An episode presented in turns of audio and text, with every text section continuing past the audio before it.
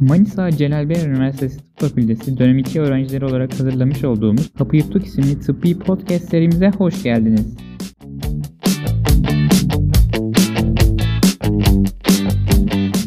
Hocam, öncelikle bizleri kırmayıp davetimizi kabul ettiğiniz için çok teşekkür ederiz. İsterseniz ilk sorumuzla başlayalım. Dinleyicilerimiz için biraz kendinizden ve branşınızdan bahseder misiniz?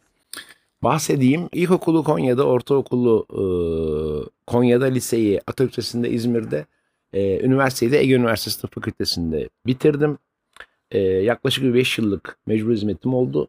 E, pratisyen hekimlik yaptım. Sonra bir e, devlet bursu kazanıp bir sene New York'a, 4 senede Liverpool'a gidip orada kaldım. E, doktoramı tamamladım. Döndüğümde de onun e, histoloji, embriyoloji uygun olduğuna karar verdiler. Ve e, ben bir histoloji, embriyoloji uzmanı oldum.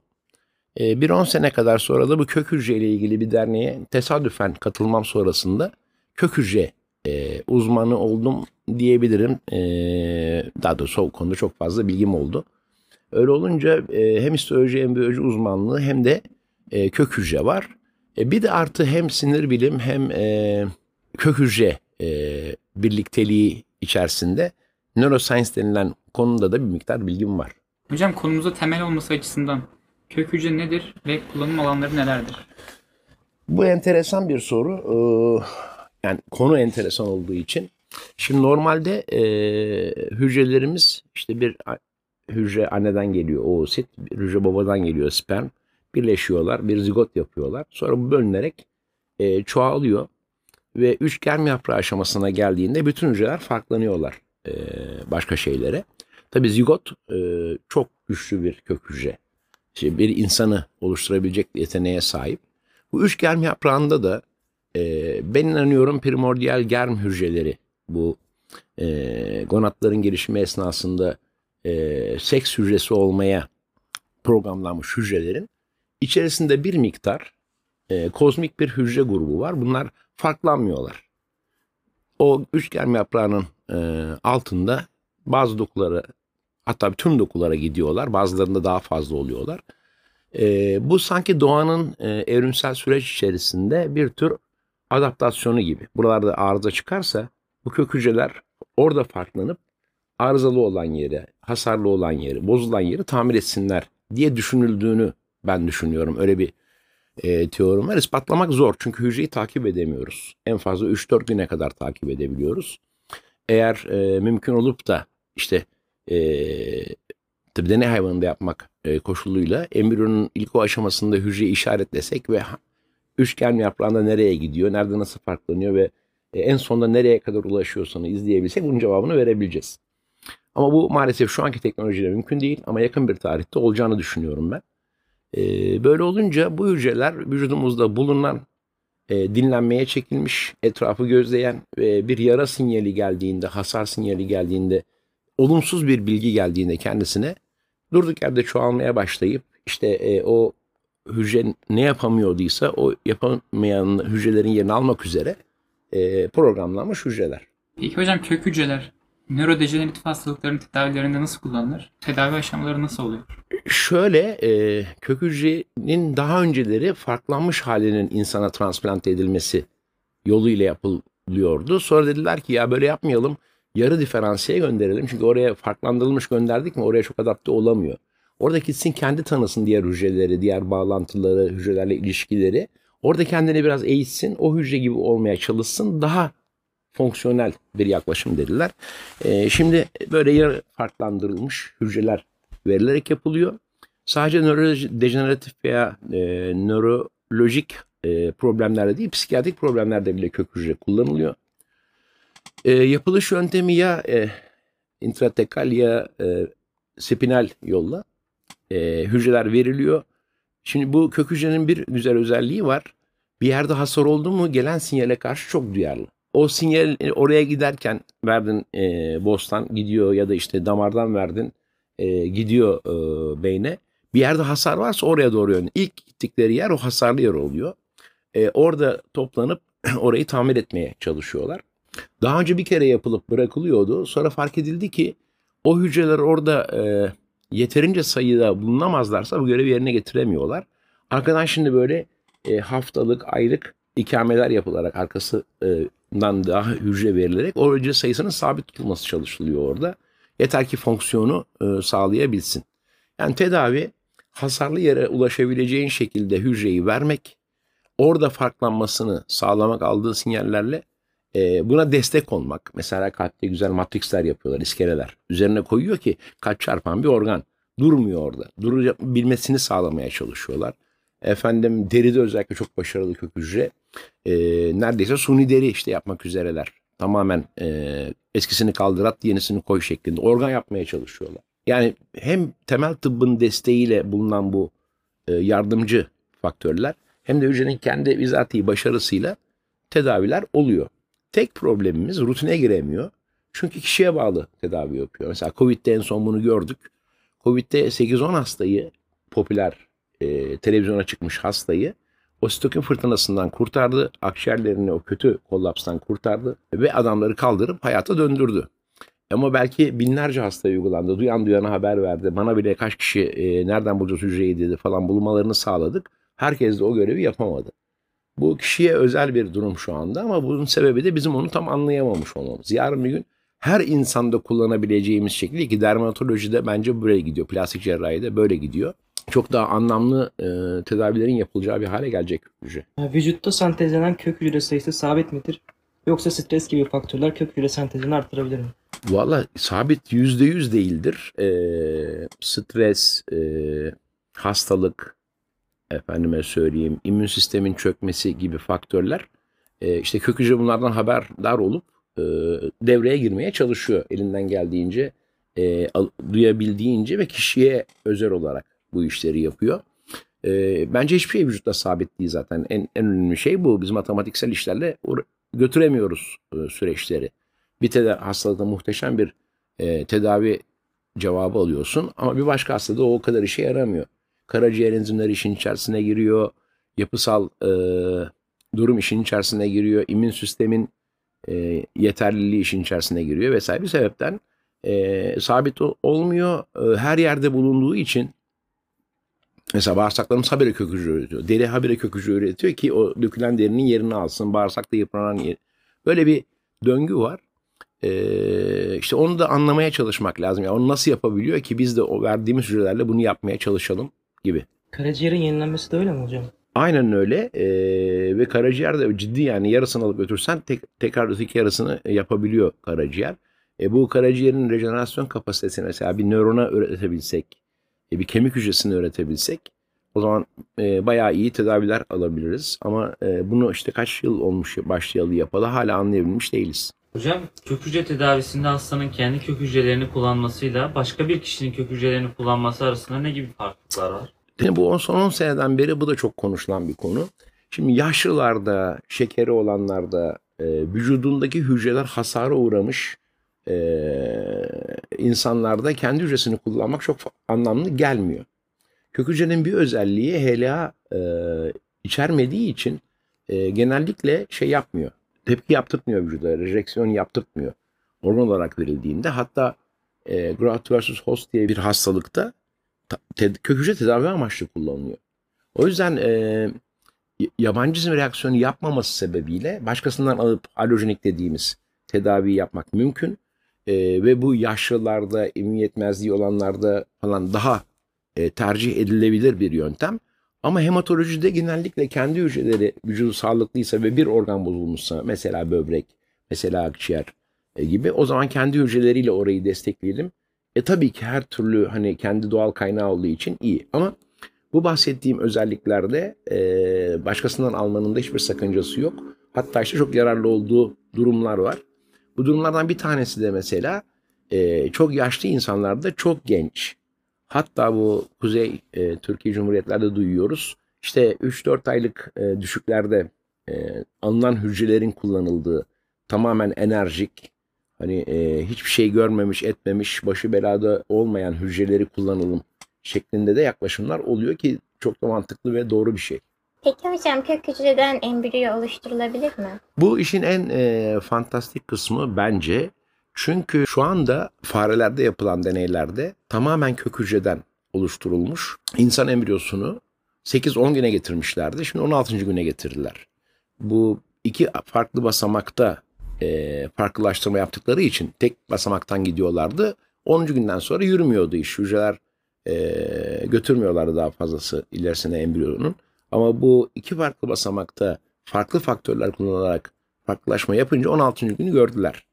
Şimdi şunu anlıyoruz. Ortalıkta hiç e, tüp bebek ihtimali bile yok. Tan. Biz e, en azından 3 e, kadının ikisini neredeyse bebek sahibi yapabilecek bir kültür ortamında spermle oostin birleşmesini sağlayıp oradan bebek yapıyorken şimdi tamamen kök hücreden yani germ hücresi olmayan hücreden e, fertilizasyonu arkasından e, kompaksiyonu arkasından üç germ yaprağının oluşmasını ve bunun 16. gün seviyesine gelmesini sağlayabiliyoruz. E, tahmin ediyorum dünyada düzen de değişecek öyle olunca. Çünkü bu tür e, senin belirlediğin hücreler üzerinden bir bebek yaparsan bebeğin hem fenotipini hem genotipini e, ayarlayabilirsin. Bu vektör denilen e, yöntemle hangi genleri mesela hastalıklı genleri içermemesini sağlayabilirsin. Ne bileyim işte ineklerde yapıyorlar daha sütü bol olsun, daha eti bol olsunu. İnsanlarda işte daha kaslı olsun, daha güzel olsun, e, daha sağlıklı olsun ve hatta işte bazı aşamalarda da böyle hani şimdi suçlamak gibi olacak ama bazı kötü düşünceli ülkelerde bu yapılıyor. Asker mantığı içersin. Sorgulamadan öldürsün. Kötü yönleriyle söylüyorum. Ama biz hep iyi yönüne bakacağız tabii. O kötü yönde olmaması için elimizden geleni yapacağız ama böyle hani üstün insan diye bahsedebileceğimiz insanları üretmek germ hücresi olmadan mümkün olabilecek hayvanda yapılmaya neredeyse gelindi bile yani. Hocam hazır embriyonik kök hücre araştırmalarından bahsetmişken embriyo kullanımını etik açıdan değerlendirebilir misiniz bu araştırmalarda? Değerlendiremem. Bu tamamen e, insanların hayat tarzıyla, hayata bakışlarıyla, biraz maceracı olmalarıyla, biraz fantazileri gerçekleştirmek amacıyla bakışlarıyla alakalı. Yani buna inanışlarıyla alakalı. Benim kızım İngiliz edebiyatında öğretim görevlisi. E, ben o okurken ya bu e, edebiyatçı olacak da ne olacak falan diye düşünüyordum. Sonra bir anladım ki onlar fantaziyi kuruyorlar, hayali yapıyorlar. Biz gerçekleştiriyoruz. Jules Verne e, denizler altında 20 bin fersah, ortalıkta ne bir nükleer denizaltı var. Adam hiç gidip orayı görmemiş ama öyle hayallerle oradaki bitkileri, balıkları altında sanki gidip görmüş gibi. Bir kozmik şey geliyor bunların içerisine. Onu işte sözle, e, şarkıya, ne bileyim yazıyla, metne döndürüyorlar. Öyle olunca şimdi adam e, Vatikan çıktı dedi ki kardeşim embriyolarla falan uğraşamazsın. Onlar Tanrı'nın işi. E, iyi o zaman siz de bana kızas, e, burada kızabilirsiniz ama açık denizlerde kızamazsınız deyip uluslararası sahaya bir gemiyle gitti. İçi laboratuvardı. Orada şeyi yaptı Dolly'yi. E, şimdi yani e, Vatikan'a sorarsan bu adamı öldürmek lazım. E, bilim dünyasına sorarsan ya e, sen ne yaptın böyle önümüze acayip bir yol açtın. Sonuçta biliyoruz şu an telomeraz problem. Onu bir çözebilirsek çabuk yaşlanıyor. Klonlama ile yani çok enteresan şeyler yapılabilir. Mesela Einstein'dan 25 tane klonlasaydık dünya nasıl olurdu? Ne bileyim böyle olağanüstü zeki insanlardan 500-600 bin tane yapsak nasıl olurdu? Çok enteresan ilginç sorular. Ee, ama ben şuna inanıyorum. Ya e, muhafazakar kalmak iyi bir şey değil. Devrimci olmak lazım. Ee, çok utopik, çok acayip şeyler düşünebilirsin gerçekleştirebildiğin kısmı önemli. Çünkü kızımdan ben şunu anlıyorum. Bir hayal oluştu mu artık e, gerçekleşiyor. Yani bunu durdurmanın yolu olmuyor. Bana geldi bir gün e, baba dedi kitaplar normalde böyle 10 senede falan filme çevrilir. Ama bir kitap var ki 3 senede filme çevrildi.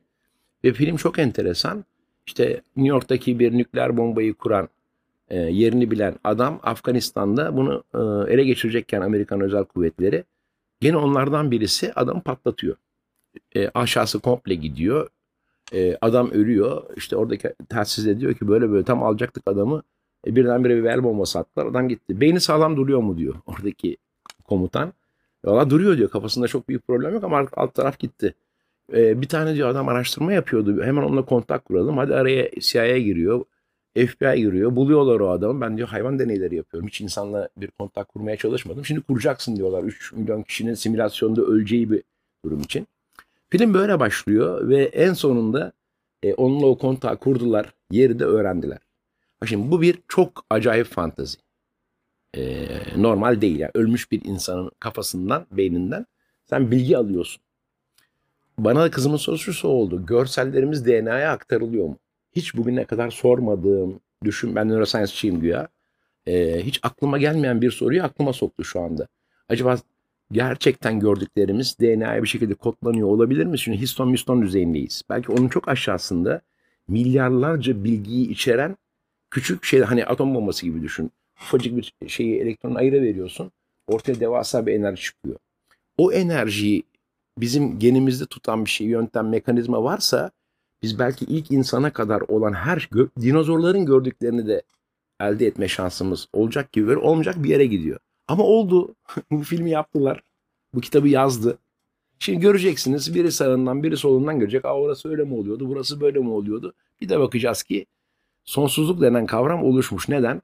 Ben böylelikle bir e, sanal ortamda dedemin, dedesinin, dedesinin, dedesinin ne gördüğünü, ne yaşadığını bileceğim. Ben ona orada katılabileceğim. Torunumun, torunumun, torununun torunuyla da oynayabileceğiz ya da onlar ne yapıyorlar e, biraz karışık işler ama bence işte hayal edildikten sonrasına bitti yani artık o olacak. bir şeye döndü mü cümleye veya bir metne bir şeye filme döndü mü o yapılabilir hale geliyor. Ben de o yüzden seviyorum. Kitabın üstünde şey var. E, bir tane maymun kapsülün üzerine tutmuş böyle aya gidiyor. Bak ilk primitif şeye bak. Yani nasıl gidecek orada e, oksijen yok bir şey yok değil mi? Üstüne koymuş. İçine bile koymamış. Ama hayal etmiş. Biri böyle bir şeyin üzerinde binse yeterince hızlandırılabilirse gider diye. E, işte arasında 100 sene geçiyor. Bizim Türk astronot gitti oraları bir gezdi. Şimdi e, dönüyor mu yolda mı bilmiyorum ama yani bu bunlar önemli. Hayal edebilmek. Öbür türlü hani sırf tıp bilgilerini burada öğrenmeniz çok şey ben de uzattıkça uzattım ama bunu da anlatayım o da çok hoş bir şey. 1800'lerde e, epileptik hastaları da ruh içine şeytan girdi falan deyip e, ruhsal hastalıklarla aynı yere koyuyorlarmış. O kadar bak doktor geliyor gidiyor. Bir tanesi fark ediyor ki epileptikler intihar etmiyorlar. Ya acaba diyor int- intihar edecek adama elektrik versek vazgeçirebilir miyiz? Birkaçını yakıyor, birkaçını öldürüyor. Şu anda günümüzde bile o elektriğe veriyorlar 3 dakika. En az 3 seferlik intihardan vazgeçiyor. Ee, gözlem, gözlemleri değerlendirme. Değerlendirdiğinden de sabit bir şey değil. Elektriği ver, e, intihar etmiyor, ediyor ısrar ederse. O zaman ne yapacağız? Başka ne verebiliriz? Bu soruları da sorarsan beraberinde dikkatli gözlemle, biraz da fantaziyle olağanüstü işler becerilebilir. Kök hücre tedavisi hastanemizde yaygın mı kullanılıyor mu? Şöyle İsmet hocamız bizim kök hücrede klinik anlamda ve hematolojik anlamda eee, çok önemli bir eee, hoca ve önemli işler yapıyor. Eee, plastik ve dermatolojide bir miktar kozmetoloji anlamında eee kök hücre kullanımı var. Eee, gene alerji immünolojiden Cengiz Hoca çok ciddi çalışma yaptı. Eee, çünkü izin al yani bir şeyi ispatlamadan kullanması mümkün olmuyor. Onay alınması gerekiyor onayı yok diye direkt tedaviye koymamasına karşı çok fazla miktarda e, proje yapıp çok fazla miktarda da araştırma yaptı. E, böyle şeyler var yapılıyor ama bence yeterince değil. Mesela bizim beyin cerrahlarımız kullanmıyorlar. E, bir kanıt olmadığını söylüyorlar ki doğruluğu da var. Yani işte rutine girecek bir seriye ulaşılamıyor. Bunda mutlaka tedavi eder demiyor ama biz biliyoruz çok hastalıkta beyin cerrahisinin kök hücre etkili ve yetkili bir tedavi. Hocam son olarak bu konu hakkında daha fazla bilgi edinmek isteyen dinleyicilerimize önerileri nelerdir? şudur iki tane dernek var. Bir tanesi Alpcan Hoca'nın Ankara İstolojiden kurduğu bir klinik e, hematologla beraber bir dernek var. Ve de bizim derneğimiz var İstanbul'da. Erdal Hoca, e, Ercüment Hoca, e, Ercüment Tovalı gibi adamlardan oluşan e, bu derneklerin bütün derdi işte daha fazla nasıl e, kullan kongre yapıyorlar, toplantı yapıyorlar. O dernek sayfalarına girip o hocaları tanıyıp onlara sorarak veya daha güzeli ben daha önce yapıyordum ama artık yapamıyorum yaş da geldi. E, o kongrelere katılmak. O kongrelerde yurt dışından da adamlar çağrılıyor. Bu işe çok emek sarf etmiş, bilgisi, tecrübesi olan insanlar çağrılıyor.